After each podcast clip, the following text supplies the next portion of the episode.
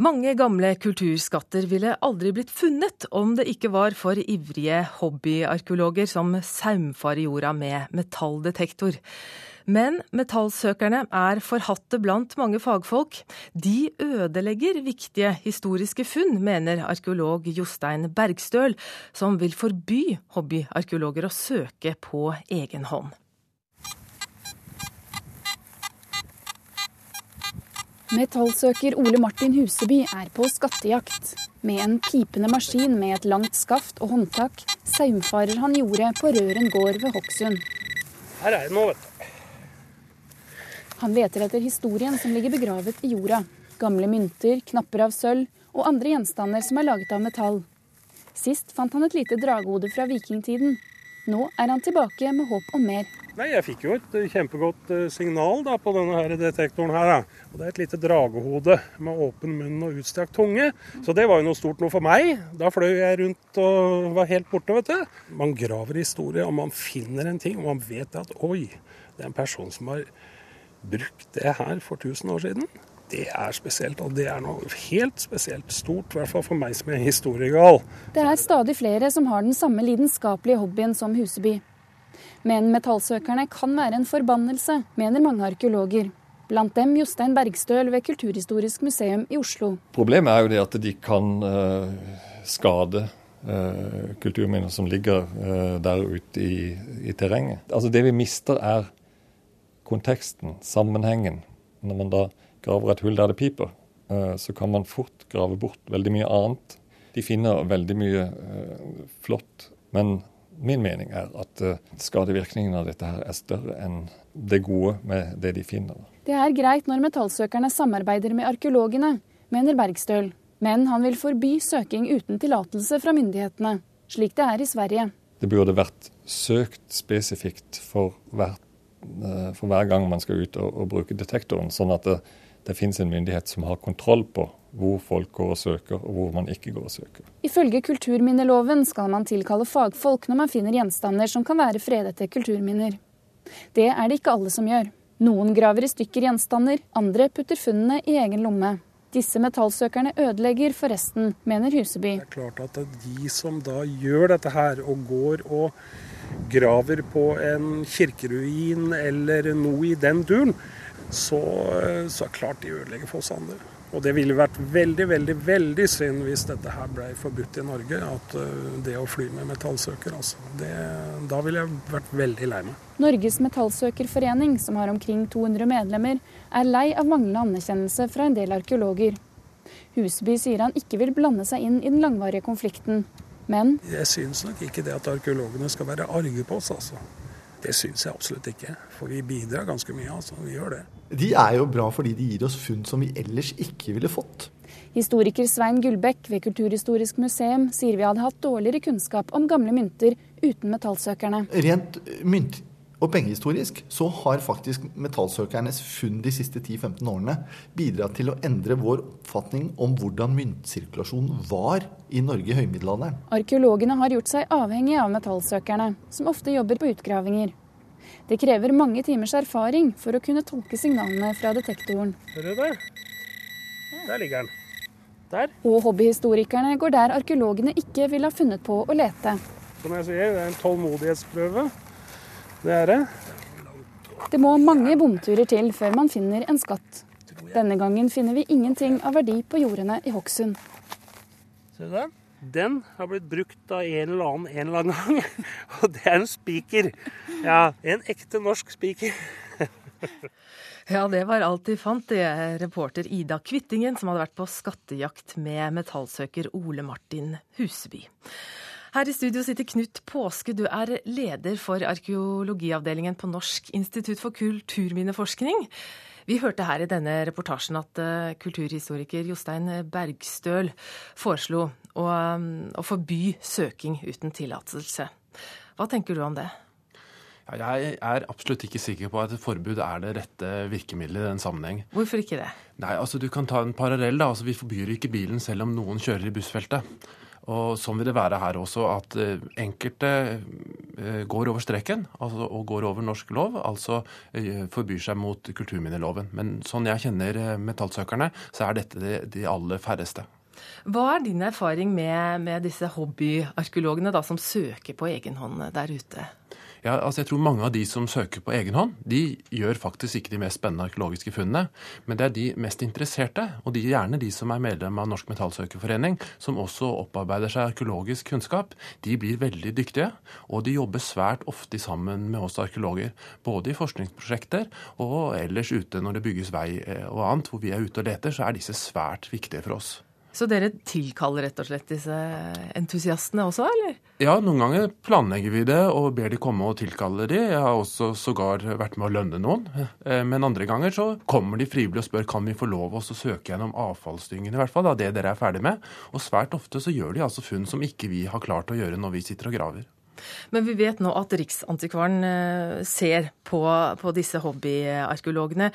De vil lage regler for dem. Eh, det forteller lederen for arkeologiske kulturminner, Ingrid Smestad. Hovedbudskapet er at vi, vi, ser at det er et behov for å se nærmere på bruken. Og at vi vel tar sikte på å utarbeide retningslinjer. Hensikten med det er å unngå at det skjer skade på kulturminner. Det har vært et behov lenge. Det er nå Riksantikvaren har hatt anledning til å prioritere og sette i gang det arbeidet. Hvor mange er det som samarbeider om disse retningslinjene? Det er Riksantikvarens retningslinjer. Men det er klart at den, da vil en involvere alle berørte parter i, i, det arbeidet, har jeg sett for meg. Metallsøkere, kulturminneforvaltningen for øvrig, museene, arkeologmiljøene rundt omkring. Ja, Det sa Ingrid Smestad. Og hva disse retningslinjene vil innebære helt konkret, det får vi ikke vite før til høsten. Men eh, Knut Påske, hvordan ser du for deg noen sånne retningslinjer? Hva bør de inneholde? Nei, Hva Riksantikvaren ligger i disse retningslinjene, vet jeg ikke. Men det jeg tror er at det blir vanskelig å formulere noe som egentlig kan styre dette på noen særlig fornuftig måte. Altså Jeg syns vi skal sammenligne oss med Sverige eksempelvis. Dette har vært diskutert i årevis, og der valgte de for en god del år siden en forbudslinje. Men hvis vi sammenligner disse to landene i dag, så er det ikke sånn at uh, alt går over stokk og stein i Norge. Jeg tror faktisk at den linjen vi har valgt, med et samarbeid, fungerer langt, langt bedre enn et forbud. Altså Da begynner folk å grave etter mørkets frambud, og interessen både for kulturhistoriske funn, eh, tanken om å finne den store skatten osv., den er der. Den klarer vi bare ikke å stoppe. Så jeg tror altså ikke på et forbud. Men er det gjort store funn av eh, de som er eh, altså, hobbyarkeologer? Har, har, de bidratt vesentlig? Ja, Vi får stadig helt nye funn på nye steder. og Det er det spennende. De leter jo ofte andre steder enn oss arkeologer. og Det betyr at de finner de gjenstandene vi aldri engang hadde kommet borti. For de kan være litt mer tilfeldige hvilke de jorder de faktisk leter på. Ja, altså Det viktigste er at de sier fra når de gjør funn, og ikke minst at de markerer med GPS eller lignende hvor de faktisk gjorde funnet. Og da tror jeg vi arkeologer skal være veldig lykkelige faktisk for at dette kommer fram nye spennende funn hver eneste sommer. Takk til deg, Knut Påske, leder for eh, arkeologiavdelingen på Norsk institutt for kulturminneforskning. I morgen så åpner en av de største norske samtidskunstnerne sin første soloutstilling utenfor Norge. Vi snakker om Hariton Pushwagner, og det hele skjer i Storbritannia, i byen Milton Keen, som på mange måter minner om Pushwagners dystre univers, Soft City. Soft City is this epic graphic novel that starts in the morning with getting up, taking a pill, and, uh, and then going to work. So this is the first page. Kurator Anthony Spira ved Milton Keanes Gallery viser oss de originale tegningene til Pushwagners kanskje mest kjente verk, tegneserien Soft City.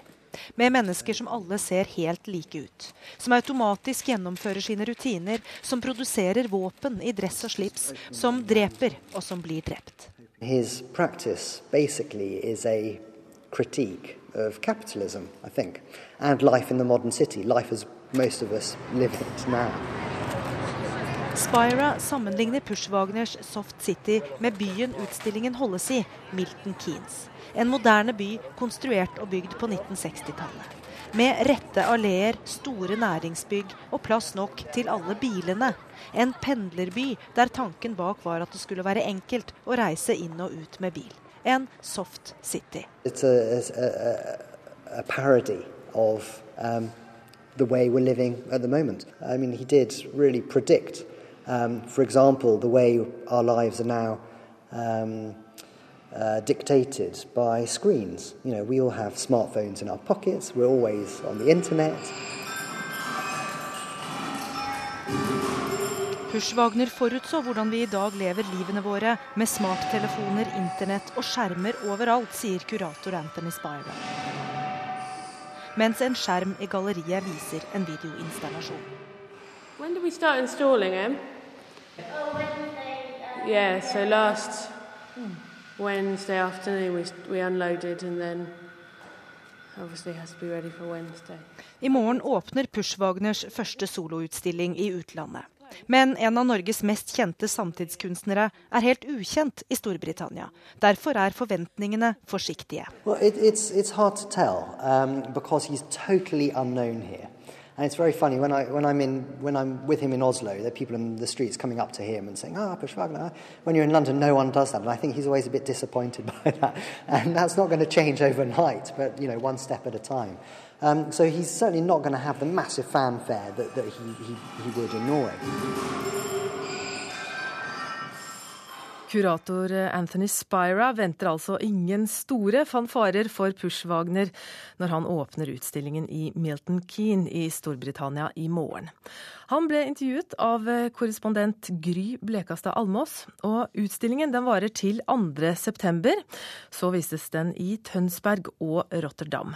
Og du kan se bildene fra utstillingen på nrk.no. I dag så starter HV-festivalen på Tromøya utenfor Arendal. Og allerede søndag begynte HV-campen å fylles opp av musikklade ungdommer. De er kommet for å høre band som Skrillex, Snoop Dogg og Lana Del Rey.